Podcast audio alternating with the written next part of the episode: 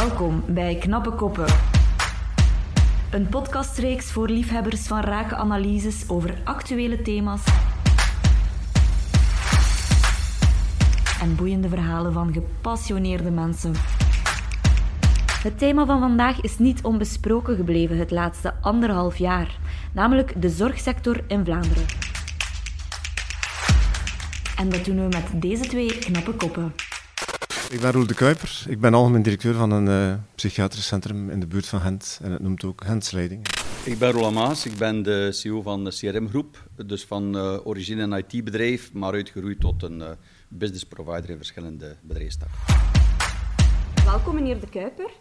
Um, ik weet niet of ik uh, gewoon ook Raoul mag zeggen. Ja, graag, liefst. Ja. Wel, kan je voordat we aan het gesprek beginnen even vertellen aan de luisteraars um, wat het Psychiatrisch Centrum Gent-Slijdingen precies doet? Het is een uh, psychiatrisch centrum en het, uh, het, is inderdaad een centrum die zorg biedt, geestelijke gezondheidszorg.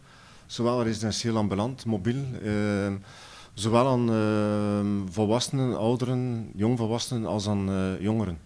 Oké, okay, super. En ook uh, aan de andere kant van de tafel zit dus Roland Maas. Roland, wij kennen elkaar al een beetje van uh, de vorige aflevering. Uh, dus wij zijn al op first name basis, als ik het zo mag zeggen. Zeker. Deze keer ga je het niet hebben over CEOs for Climate. maar over CRM Care. Ja, dus CRM Care is een spin-off van CEOs for Climate. En CRM Care houdt zich voornamelijk bezig met het gezondheidsaspect.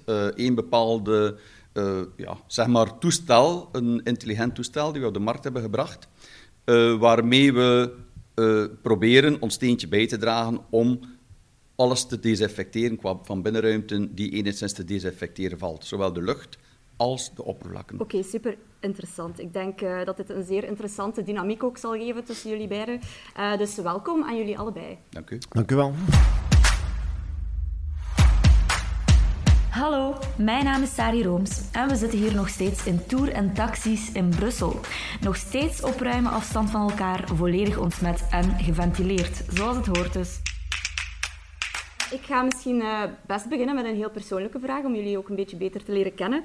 Uh, jullie staan allebei in de zorgsector op een heel andere manier, maar jullie hebben het voorbije anderhalf jaar, denk ik toch ongetwijfeld, wel heel intens beleefd. Ja, Inderdaad, um, maar op een, op een, op een um, comfortabele manier zou ik kunnen zeggen. Dat klinkt een beetje um, confronterend, maar het is inderdaad de luxe van te kunnen werken. En tijdens die periode ook eigenlijk niet afgezonderd moeten zijn in, uh, in het thuisfront. En dan ook niet uh, op een appartementje in de stad met, met een aantal kinderen. Ik denk dat we nog altijd comfortabel hebben kunnen leven. Uh, ondanks de penibele omstandigheden ja. die, die breed onze maatschappij hebben beïnvloed. Dus eigenlijk heb je het heel positief ervaren. Wel, positieve ervaring is natuurlijk een zeer negatieve ervaring op zich, in de brede betekenis van het woord.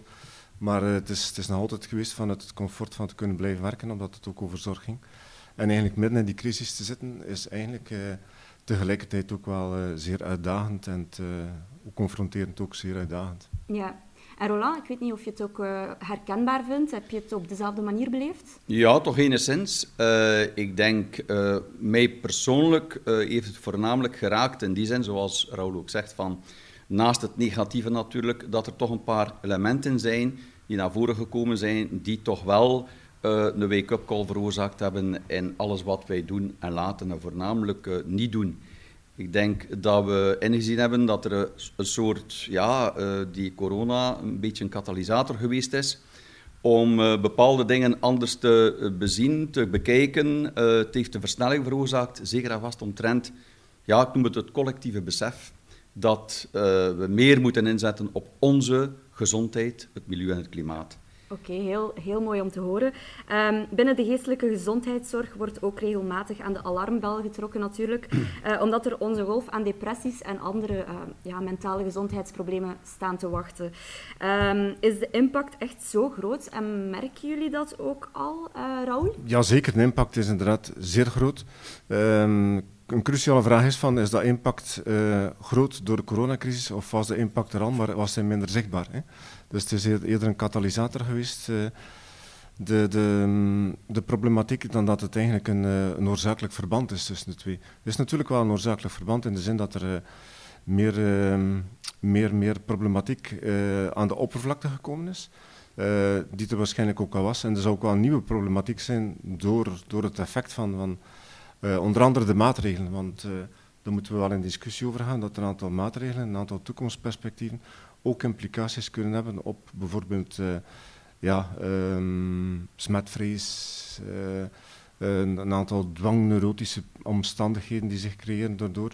En toch ook wel impact hebben op nieuwe evoluties in de geestelijke gezondheidszorg. Dus je hebt eigenlijk de twee. Je hebt eigenlijk een articulatie van dingen die er al waren, zeker rond depressie, um, angst, absoluut. Um, ja, de brede betekenis van, van psychose.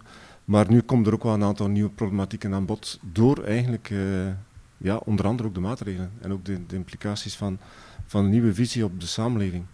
Mentale gezondheid is wel meer bespreekbaar geworden ook. Ik vraag mij eigenlijk af, um, komen mensen nu misschien sneller naar buiten ook met hun mentale problemen, uh, omdat dat meer bespreekbaar geworden is? Of um, denk je dat echt wel puur aan corona ligt en alle facetten die da daar rond hangen, dat er een, een golf is aan uh, depressies en mentale gezondheidsproblemen? Ja, ik mag het hopen, zou ik zeggen, dat het inderdaad ook een uh, positief effect is van, van de corona uh, situatie dat er meer zichtbaar komt en dat het ook bespreekbaar wordt. En ik denk dat er wel een besef is dat mentale gezondheid voor een maatschappij zeer cruciaal is. Om een maatschappij eigenlijk in een positieve evolutie te krijgen. dus dat besef heeft eigenlijk wel hand in hand gaan met de laatste periode. En het is inderdaad niet alleen bespreekbaar, maar de overheid is ook wel bereid om er meer middelen in te steken. Het is, vroeger hadden wij een verhouding tussen 6% en 94% somatische zorg, geestelijke gezondheidszorg. Ik denk dat de overheid nu al inziet dat het uh, mentale gezondheid eigenlijk een van de sleutels is voor een, voor een, ook een gezonde samenleving.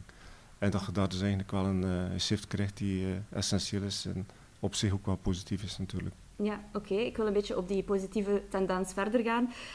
Um, want er zijn nog andere positieve gevolgen van de crisis, namelijk dat er uh, plots op heel wat vlakken enorme vooruitgang geboekt wordt. Waaronder uh, de vaccins die nu aan een razendsnel tempo worden uh, ontwikkeld, geproduceerd enzovoort. Maar een klein vogeltje heeft mij ook ingefluisterd dat uh, CRM Care ook met een heel innovatief product nu op de markt is gekomen. Kan je even kort toelichten wat, ja. wat dat is?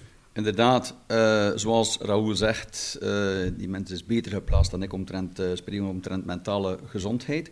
Wij hebben daar in feite, wij komen op in feite voor één bepaald facet, dat is namelijk die smetvrees, zoals u het ook aanhaalde. Namelijk dat wij zijn, dat wordt een, ja, op zich een gigantisch probleem als iedereen uh, iedereen gaat gaan mijden, uh, deurklinken gaan mijden, zelfs de lucht waarin die je op inademt gaan mijden en dergelijke meer. Ja, dat ga je niet lang volhouden natuurlijk. Dus vandaar dat wij, dat was het uitgangspunt van, maar al lang geleden hoor. het toestel is niet gekomen door COVID, ik kan er misschien verder iets omtrent zeggen. maar hebben wij inderdaad ingezet op een toestel dat door die elektronica en door die software en door de juiste, het juiste product, biocide, die gebruikt wordt, een intelligente vernevelaar geworden is. Uh, zodanig dat alle, maar dan ook alle, niet alleen de lucht, maar ook de oppervlakken, dus wc-brillen, uh, een hele grote bron van infecties, maar ook deurklinken, tafels, stoelen en dergelijke meer, dat die altijd, telkens malen, gedesinfecteerd worden, ontsmet worden. En soms zodanig ver, je kan daar heel ver gaan, dat die ook gesteriliseerd worden. Ja, want de biocide die gebruikt wordt, dat is de biocide die gebruikt wordt, het ontsmettingsmiddel dat gebruikt wordt in alle mogelijke klinieken, om dus, uh, dus instrumenten die men gebruikt om uh, mensen te onderzoeken, uh, te gaan ontsmetten. Dat is namelijk waterstofperoxide. Ja. Dus dat is de combinatie van de biocide met het speciale aan het toestel, die maakt dat het toch wel een ja, toch vrij uniek toestel is geworden. Je zegt ook dat het uh, al iets is dat jullie van plan waren om te creëren van voor de ja. uh, COVID-situatie. Ja. Um, is dat nu ook in snel tempo geproduceerd geweest en ontwikkeld geweest uh, door corona? Of moet ik dat anders zien? Dus mijn broer heeft een, een firma, Maas Inox noemt dat meer bepaald, dus die een groothandel doet in grootkeukens. Europees en buiten Europa. En plots is hij geconfronteerd worden een aantal jaar terug, een vier, vijftal jaar terug, met een hele serieuze besmetting en een van de bekendste keukens ter wereld, eh, met salmonella. En dus uh, weten dat ik daar inderdaad uh, mijn leven al heel serieus aan gewijd heb van al die dingen, heeft hij gezegd van, zou misschien een keer niet nadenken om een toestel te maken die ervoor zorgt dat die salmonella gemakkelijk gedood afgedood wordt. En daar is het in feite ontstaan. Maar zoals u inderdaad zegt, door COVID is dat inderdaad hem ook gezegd van kijk, het gaat niet alleen omtrent een breed spectrum van bacteriën, maar ook omtrent een breed spectrum van virussen, zoals COVID-19. Zodanig dat uh, COVID-19 dit wel in, in een versnelling geplaatst heeft. Dus het is versneld, ontwikkeld en nu ook geassembleerd. Ja. Ja, het, het ontstaan van eh, zo'n product gaat dan niet de smetvrees accelereren, omdat er nu zo'n product bestaat. Dus mensen gaan daar misschien meer en meer naar zoeken. Ik weet niet, Raoul, uh, wat, wat, jouw uh, mening hierover is? Maar het, is wat, het is wat dubbel hoor. Het is, het is enerzijds zou ik zeggen van, als ik vanuit mijn invalshoek spreek ehm, over bedreigen naar een 1,5 meter samenleving te gaan, dan is dat natuurlijk niet alleen negatief bedoeld. Allee, er zijn een aantal positieve elementen. Uh, ik denk aan de, de rijen om, om goederen te kopen in de winkel staan. Ik denk aan de vliegtuigen. Ik denk het, uh, mensen gaan op die reis naar Milaan en naar Parijs om in dezelfde winkels te kunnen gaan shoppen als als ze Gent in Brussel ook kunnen doen. Dus ik vind dat ook niet nodig. En ik vind dat die, die producten bijvoorbeeld kunnen er ook wel bij helpen of kunnen een element zijn.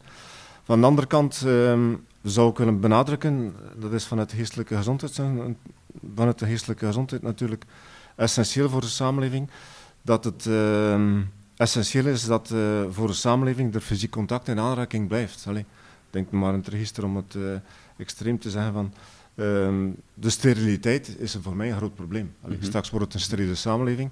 Uh, moeten we zelfs vormen van seksualiteit vinden om, om, om te zorgen dat we elkaar niet meer kunnen aanraken, maar toch seksualiteit hebben. Allee, ik denk aan fysiek contact is eigenlijk een element die voor de samenleving zo essentieel is. Inter, inter menselijk uh, van zo'n groot belang is en te evolueren naar een steriele samenleving, dat is eigenlijk een, uh, een samenleving die, die, zichzelf kapot maakt en mm. die uh, ja. verleden tijd is. Dus ik sta er wat genuanceerd tegenover, ja. maar het is inderdaad een, een, product die kan dienstig zijn in bepaalde contexten. Maar niet in de intimiteit verloren gaan nee. en dat zou ik toch wel benadrukken dat dat een risico is dat gewoon duur de steriliteit ook een steriele samenleving zal kunnen krijgen. Volg je volledig, Raoul, in die zin? Maar uh, naar het mentale toe hebben we daar natuurlijk ook over nagedacht. Hè, dat je niet constant geconfronteerd wordt met, ah, hier staat een toestel, hier mag ik dat, dat, dat mag ik niet en dergelijke meer. We hebben daar heel serieus over nagedacht. Ik zeg nog een keer, we zijn er al jaren mee bezig. En dus dat toestel, als het werkt, dan hoor je het niet. Dan zie je het zelfs niet. Het is zoals bijna een centrale verwarming. Je wordt er niet mee geconfronteerd. En dat is wel belangrijk. Maar je weet wel dat er zoals een poetsvrouw of een poetsman, die regelmatig de tafels gaat afreinigen uh, uh, en dergelijke meer. Je weet wel dat het gedaan wordt. Maar de woorden dat je op je gemak kan zijn. Hè? Dat we nog altijd fysiek contact mogen hebben met elkaar. Dat we nog altijd een deurklink mogen vastpakken. Niet staan dat misschien negen daarvoor ook die deurklink vastgepakt hebben. Dat we nog mogen spreken tegen elkaar zonder dat er daar een wand tussen staat. Dus wij willen zeker en vast geen steriele ruimten waar het niet, niet nodig is. We hebben altijd geleefd met virussen. Hè. Een steriele omgeving, dat hoeft niet. Integendeel, dat mag zelfs niet voor onze, uh, voor onze immuniteit. Dus dat streven wij zeker niet na. Maar wij streven na waar dat je zegt van hier komen mensen allemaal samen, ik weet niet wie, het onbekende, dat ik zeg oké, ik voel mij toch op mijn gemak. Het is zeker niet bedoeld voor de huiselijke sfeer. Zeker en vast niet.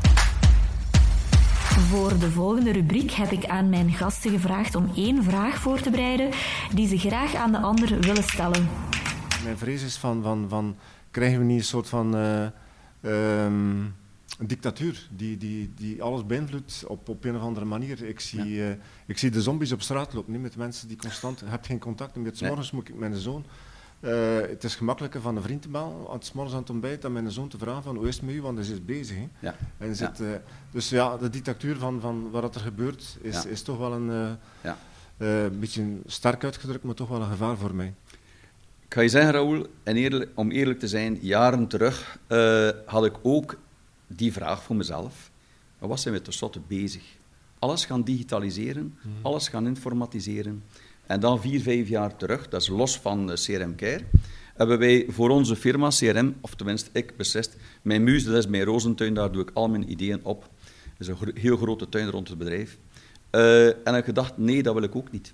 Dat wil ik niet. Ik wil niet geconditioneerd worden, ik wil niet gedetermineerd worden door informatica, door Big Brother mentaliteit en dergelijke meer. En juist daarom hebben wij gezegd van, kijk, als wij nu nog iets maken, dan moet het zijn in functie van de maatschappij. En daaruit is in feite CEOs for Climate en dan ook CRM Care en de andere uh, spin-offs ontstaan. En om een heel concreet antwoorden, ik wil ook niet geconditioneerd worden. En juist daarom hebben we gezegd, als we een toestel op de markt zetten, dan moet het een toestel zijn die ik één, waar ik niet mee geconfronteerd word als ik contact kom met andere mensen. En juist daarom, om ons onafhankelijk van het toestel te kunnen opzetten, stellen, en we zeggen, kijk, we gaan zorgen voor elektronica. Ik word ook niet geconfronteerd met de software. Dus je kan daar een kalender in zetten en je kan dat toestel daar zodanig zetten dat je er nooit moet naar omzien. Uitgenomen de operator die af en toe een keer een andere fles vloeistof insteekt. Maar voor de rest moet je dat niet aankomen, moet dat niet programmeren, want het is geprogrammeerd voor u. Is het allemaal duidelijk voor jou, Raoul? Is dat een antwoord op je vraag? Ik heb geprobeerd. Wat misschien nog, mag ik nog één iets aan toevoegen? Misschien komt er daar nog wel een beetje af dat nog een beetje taaier is. Wat ga je dan gaan doen? Je hebt overal die toestellen staan. Mensen zeggen dat is een toestel van COVID-19. Oei, oei, wij gaan dat niet aankomen, dat gaat omtrent gezondheid. Ik durf daar niet aankomen. Al heb je de handleiding. Wel nu, je moet daar niet aankomen. Dus wat moet er gebeuren? Stel dat je zegt, voor die ruimte hier, dat is ja, vier minuten dat je hier moet fokkeren. Dan uh, stel dat je zegt van, ja, gaat een beetje langer moeten desinfecteren. Gaat bijvoorbeeld moeten, uh, in plaats van vier, ga je bijvoorbeeld zes minuten moeten fokkeren om ook dat beestje kapot te krijgen. Wel nu, dan moet ik zelfs aan het toestel niet komen. En juist daarom, Raoul, dat ik zeg van, het is zo geconcipieerd, Hans, dat toestel, dat er niet mee geconfronteerd wordt. Het is verbonden met de cloud als geweld. En dan zeggen wij, al de toestellen die staan in de horeca, gaan wij nu met 20% langer laten foggeren. Dat is letterlijk klik, klik, klik. En al de toestellen van op afstand staan klaar voor uh, dat nieuwe Er is goed over nagedacht. Ja, dus. ja. Kijk, en um, daarop volgend gaan we gewoon door met de vragenstelling. En okay. um, mag u, Roland, een uh, vraag stellen aan Raoul? Ja, misschien dat u een klein beetje gaan indenken, Raoul, wat het toestel is zou zijn, uh, wat het betekent voor, voor uw bedrijf. Zou u het gebruiken? allee, niet dat je onmiddellijk beantwoordt ja of nee, maar zou u het overwegen om het eventueel te gebruiken? Well, het is een uh, relevante vraag natuurlijk om te kijken wat we kunnen mee doen, zeker in het kader van, van mm. een ziekenhuis, dat bepaalde ruimtes daarvoor in aanmerking komen. Um, het, is, allee, het is een overweging waard uh, hoe dat het kan geïmplementeerd worden, zeker in de context van, van drukke vergaderzalen, grote ruimtes ja. die dan toch wel uh, frequent worden, allee, ook van buiten worden, worden gebruikt enzovoort. Dus er is wel zeker wel een, um, een vraag die, die relevant genoeg is om mee te nemen. Het andere is dat ik wil blijven benadrukken dat het, uh, dat het zijn beperkingen heeft. Dat het, wat, dat het wat zit op het niveau van de individuele preventie. Dat het gaat over mens, ik, hoe kan ik mijn eigen beschermen tegen? En dat is natuurlijk een zeer relevante vraag en, en doet er wel op toe. Allee, dat is mhm. wel belangrijk. Ja. Het andere is dat ik wil wel blijven benadrukken, en dat is ook mijn, mijn, mijn rol in het kader van een brede zorg voor de mentale gezondheid, dat we op andere manieren uh, het uh, op een breder samenlevingsniveau en de convivialiteit, het samenleven, wel op een andere manier ook zullen moeten oplossen dat het en is. Ja. En dat we ons daar grote zorgen over maken en dat het, uh, als het gaat over klimaat, het verminderen van CO2 bijvoorbeeld een evidentie is die mm -hmm. we op een andere manier zullen moeten bereiken dan door individuele preventie. Ja. Dus de collectieve preventie zit bij mij nogal op het, uh, op het voorplan. Ja. En het andere is meegenomen, maar zou zeggen van daarmee gaan we het niet redden. Maar dat is een nee. kritische opmerking. Het is ook een, het is een, het is een deel hè, van het geheel die inderdaad wel kan ingezet worden. Hè. Ja. Maar het is zeker geen... Uh, overal oplossing eh, voor de problematiek. Dus in die zin sta ik er positief tegenover ja, als okay. alles bedrijven gaan mee nadenken over een breder ja. geheel, over ja, hoe kunnen ze functioneel zijn naar de toekomst toe, mm -hmm. is dat natuurlijk wel uh, op zijn plaats. Door dit soort uitvindingen van de CRM-FAC keren we eigenlijk snel terug naar het oude. Hè. En vanuit virologisch standpunt is het natuurlijk ook geweldig. Maar heeft uh, corona ons ook niet eigenlijk met de neus op een aantal feiten gedrukt? Uh, welke veranderingen zouden jullie graag zien binnen de zorgsector? Natuurlijk elk vanuit jullie standpunt. Hè. Uh, meneer De Kuiper, Raoul? Vanuit de zorgsector, ik denk dat je daar sowieso uh, een, een, een, een, dat er een ander, uh, ja, een ander denken komt in de samenleving over zorg. Um, en de betekenis dat, um, dat, dat, dat zorg en de, de, problematiek van de geestelijke gezondheidszorg en de mentale gezondheid uh, voor een samenleving zo cruciaal is dat er eigenlijk moet geïnvesteerd worden. En dat, dat, dat het terug de verdienwaarde of de return uh, van, van een betere mentale gezondheid uh, eigenlijk enorme effecten heeft, zowel op de economie of op de hele samenleving. Dat we daar moeten van bewust zijn dat dat het, de cruciale sleutel is tot een betere samenleving. we moeten een beetje breder gaan nadenken over waarmee we bezig zijn, ook in de bedrijfswereld. Hè. wat mij voornamelijk getroffen heeft, dat is inderdaad dat die wetenschappers, dat die farmabedrijven, dat die elkaar eindelijk wereldwijd gevonden hebben. En dat die inderdaad, waar men anders spreekt over een vaccinontwikkeling van tien jaar, dat men daar toch nu in geslaagd is in een jaar tijd om dat te doen. Ja, bepaalde dingen die je nu vermeld hebt, uh, brengen mij ook naadloos naar mijn volgende vraag. En dat is dus, ja, hopen, natuurlijk hopen we van niet, maar uh, de kans bestaat dat we ooit nog een gelijkaardige gezondheidscrisis gaan meemaken. Zal de gezondheidszorg, ook de samenleving en uh, de overheid volgens jullie nu beter gewapend zijn bij een volgende crisis? Wel, wetenschappelijk denk ik alvast ja. Hè. Als je ziet inderdaad dat men vroeger tien jaar nodig had om, om nu een vaccin te maken, dat men dat doet door alle krachten te bundelen in één jaar tijd. Chapeau, men heeft het toch gedaan, het heeft gewerkt. Dus ik denk inderdaad wel dat men beter gewapend is om inderdaad dergelijke crisissen eh, tegemoet te gaan. Natuurlijk, of dat de sociale gelijkheid ten goede zal komen, dat vraag ik mij echt af. Als je ziet in Afrika slechts 2% van de mensen gevaccineerd, die moeten hun plan trekken. Allee, dat probleem is niet in zijn totaliteit opgelost. Je raakt daar natuurlijk een element aan, die, we moeten niet alleen naar Afrika kijken, hè, maar als het gaat over ongelijkheid, uh, hebben we ook wel iets in onze eigen omgeving te bekijken. Mm ik denk dat de overheid er moet de verantwoordelijkheid nemen. Um, verantwoordelijkheid ten aanzien van ja, hoe ligt in de toekomst een goede verhouding tussen uh, samenleving, politiek en economie. Um, als het gaat over de, de, de, de, economische structuur die we nu kennen, heeft dit uh, op een bepaald moment een, uh, een, een, een, evolutie gekend die ook negatief geworden is. Ik denk dat het te maken heeft met de kapitaalmarkten hoor. Uh, er is geen goederenmarkt meer, er is een kapitaalmarkt. En dat heeft ongelijkheid enorm aangezwendeld. Hè. Er zijn mensen die rijk geworden zijn, niet door producten te verkopen zoals een bedrijf, maar door, door met geld op de markt te komen. Hè. Dus de beurzen hebben daar een nefaste rol gespeeld in de evolutie van de ongelijkheid. Waarom is dat zo belangrijk? Omdat ongelijkheid eigenlijk een van de kenmerken is van mentale ongezondheid ook. Maar het is ook niet vast voor de mensen die het zelfs beter hebben. Dat is uh, uit onderzoek ook wel gebleken. Dat op vlak van, van depressies, op vlak van, van, van onwelbevinden, mentaal onwelbevinden, dat dat ook bij die mensen ook zeer sterk mm-hmm. leeft. Dus een, een ongelijke samenleving is voor de mentale gezondheid van de samenleving eigenlijk zeer nefast. En ik denk dat de overheid iets moet vastpakken is er een manier uh, waarop jullie dat zelf proberen aan te kaarten? Ja, absoluut. Ik denk dat wij de, de, de, publieke verantwoordelijkheid van de overheid proberen te stimuleren en er ook wel duidelijk maken van, je moet er een rol in spelen. Um, ik denk dat we daar wel iets kunnen bereiken, maar dat het ook door de samenleving zal moeten gedragen zijn. En we zitten met een aantal risicofactoren. Hè. Je ziet wel wat we de laatste tijd meemaken, complottheorieën. Dat is, de, dat is de angst die in de samenleving mm. leeft. Hè. En dat brengt een evolutie op zich die verontrusten. Dus ik denk dat het voor de overheid een zeer belangrijke verantwoordelijkheid is om uh, daarmee aan de slag te gaan. Um, Oké, okay, heel veel uh, interessante dingen om over verder na te denken. Voor we dit gesprek afsluiten, gooi ik jullie nog een aantal stellingen voor de voeten. Um, aan jullie om te antwoorden met akkoord of niet akkoord. Het grootste pijnpunt binnen de zorg is de financiering. Niet volledig akkoord. Niet volledig akkoord, nee. nee.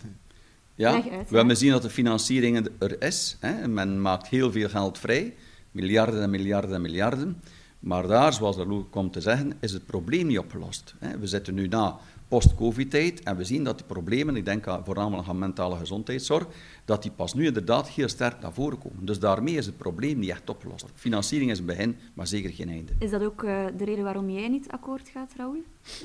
Maar niet akkoord. De nuance is dat het uh, natuurlijk een voorwaarde is, financiële middelen. Maar ik denk dat de overheid uh, met de middelen die ze ter beschikking stellen ook wel mag um, voorwaarden staan aan de besteding ervan. En dat het eigenlijk aan de sector is, uh, geestelijke gezondheidszorg in dit geval, die verantwoordelijkheid heeft om innovatief na te denken over de functie die ze hebben in een brede samenlevingscontext. En het zal niet enkel zijn met extra middelen, want dat is ook een voorbeeld die blijkt uit uh, gezondheidszorg in, in, de brede betekenis. Er kan ook wel veel geld op een verkeerde manier gebruikt worden. Mm. Dus uh, er zal de overheid ook moeten zijn die voorwaarden stelt aan op welke manier. En ik denk dan voornamelijk aan innovatief denken en proactieve uitbouw van proactieve geestelijke gezondheidszorg. Er wordt te veel nadruk gelegd op het fysieke welzijn, te weinig op het mentale. Ja, absoluut akkoord. Niet. absoluut akkoord. Akkoord. Ja, absoluut. Ja. ja. Ja, ja, ik denk dat uh, Raoul beter geplaatst is om daarop te antwoorden. Uh, ja, kan mij daar wel uh, ook enigszins uh, akkoord mee verklaren. Wat hierbij belangrijk is, denk ik, is van, van het ook niet te sterk te scheiden. Dus er is ja. zeer veel impact, wederzijds tussen somatiek en psyche. En de twee velden mogen wel een identiteit ontwikkelen en een eigenheid. En het is ook een apart... er is ook een appel... Ja, er is ook wel een appel van mij om het apart ook wel te ontwikkelen. En de professionaliteit binnen de psyche en de mentale ontwikkeling zijn eigenlijk ook wel nog wel veel werk te doen. Maar er is sowieso een interactie tussen de twee problematieken. En vandaar moeten we ook wel benadrukken dat, dat, uh, dat ze elkaar gaan moeten vinden. Soms in een zeer nadenken over een integratief model van werken. Corona gaat de katalysator zijn voor vernieuwing en innovatie binnen de zorg. Mijn antwoord is uh, overduidelijk, dat is zeker. Ja, gelukkig maar, ja. ja. Ja, ik denk dat de bewijzen er ook wel zijn. Ja, het is nu eenmaal zo. Hè. En inderdaad, het, het uh, drukt ons met de neus op de feiten van uh, ja, er moet innovatie komen, er moeten nieuwe modellen komen, er moet, uh, moet bewegingen komen. zo kan het inderdaad. We, word, we zijn met te veel op deze aardkluit om te doen zoals we deden. Dus met woord, er moet verandering komen. En het zal de technologie, de innovatieve ontwikkelingen zijn die inderdaad daar ons vooruit kunnen helpen. Hè. Wat, wat dat voor mij elementair is in heel die discussie, is de positie van de mens in het geheel van de samenleving. Mm -hmm. We zijn eigenlijk een, een, een een, een, uh, ja, een, blik, noem het, een bliksemschicht in de evolutie van, van, van het heelal. Hè. We moeten een beetje nederiger zijn, ons daar wat nederiger in opstellen. En van die positie eigenlijk uh, nadenken over de toekomst, waar dat we een klein deel van zijn. En die virus is een bijzonder klein deel, maar kan wel eens alles over, overhoop helpen. Mm En de mens is misschien iets groter, maar kan ook alles overhoop helpen. en dan moeten we misschien wel nederig zijn en ja. te zeggen van we moeten onze positie terugnemen. Niet boven de natuur, maar nee, nee. binnen de natuur. Binnen de natuur, zeker. We zijn een deel uh, van. Hè. Ik vind dat eigenlijk heel mooie woorden om mee te eindigen. Bedankt uh, heren, het zit er weer op voor deze aflevering van Knappe Koppen. Hartelijk dank voor dit boeiende gesprek. Uh, Raoul de Kuiper van het Psychiatrisch Centrum Gens-Leidingen en Roland Maas uh, van CRM Care. Graag gedaan. Graag gedaan, merci. En ook jullie opnieuw bedankt om te luisteren naar deze aflevering van Knappe Koppen. Benieuwd naar de volgende aflevering? Abonneer je dan snel en volg Knappe Koppen en Mediaplanet België op Instagram. Voor alle vragen en opmerkingen kan je ons ook contacteren via knappekoppen.mediaplanet.com.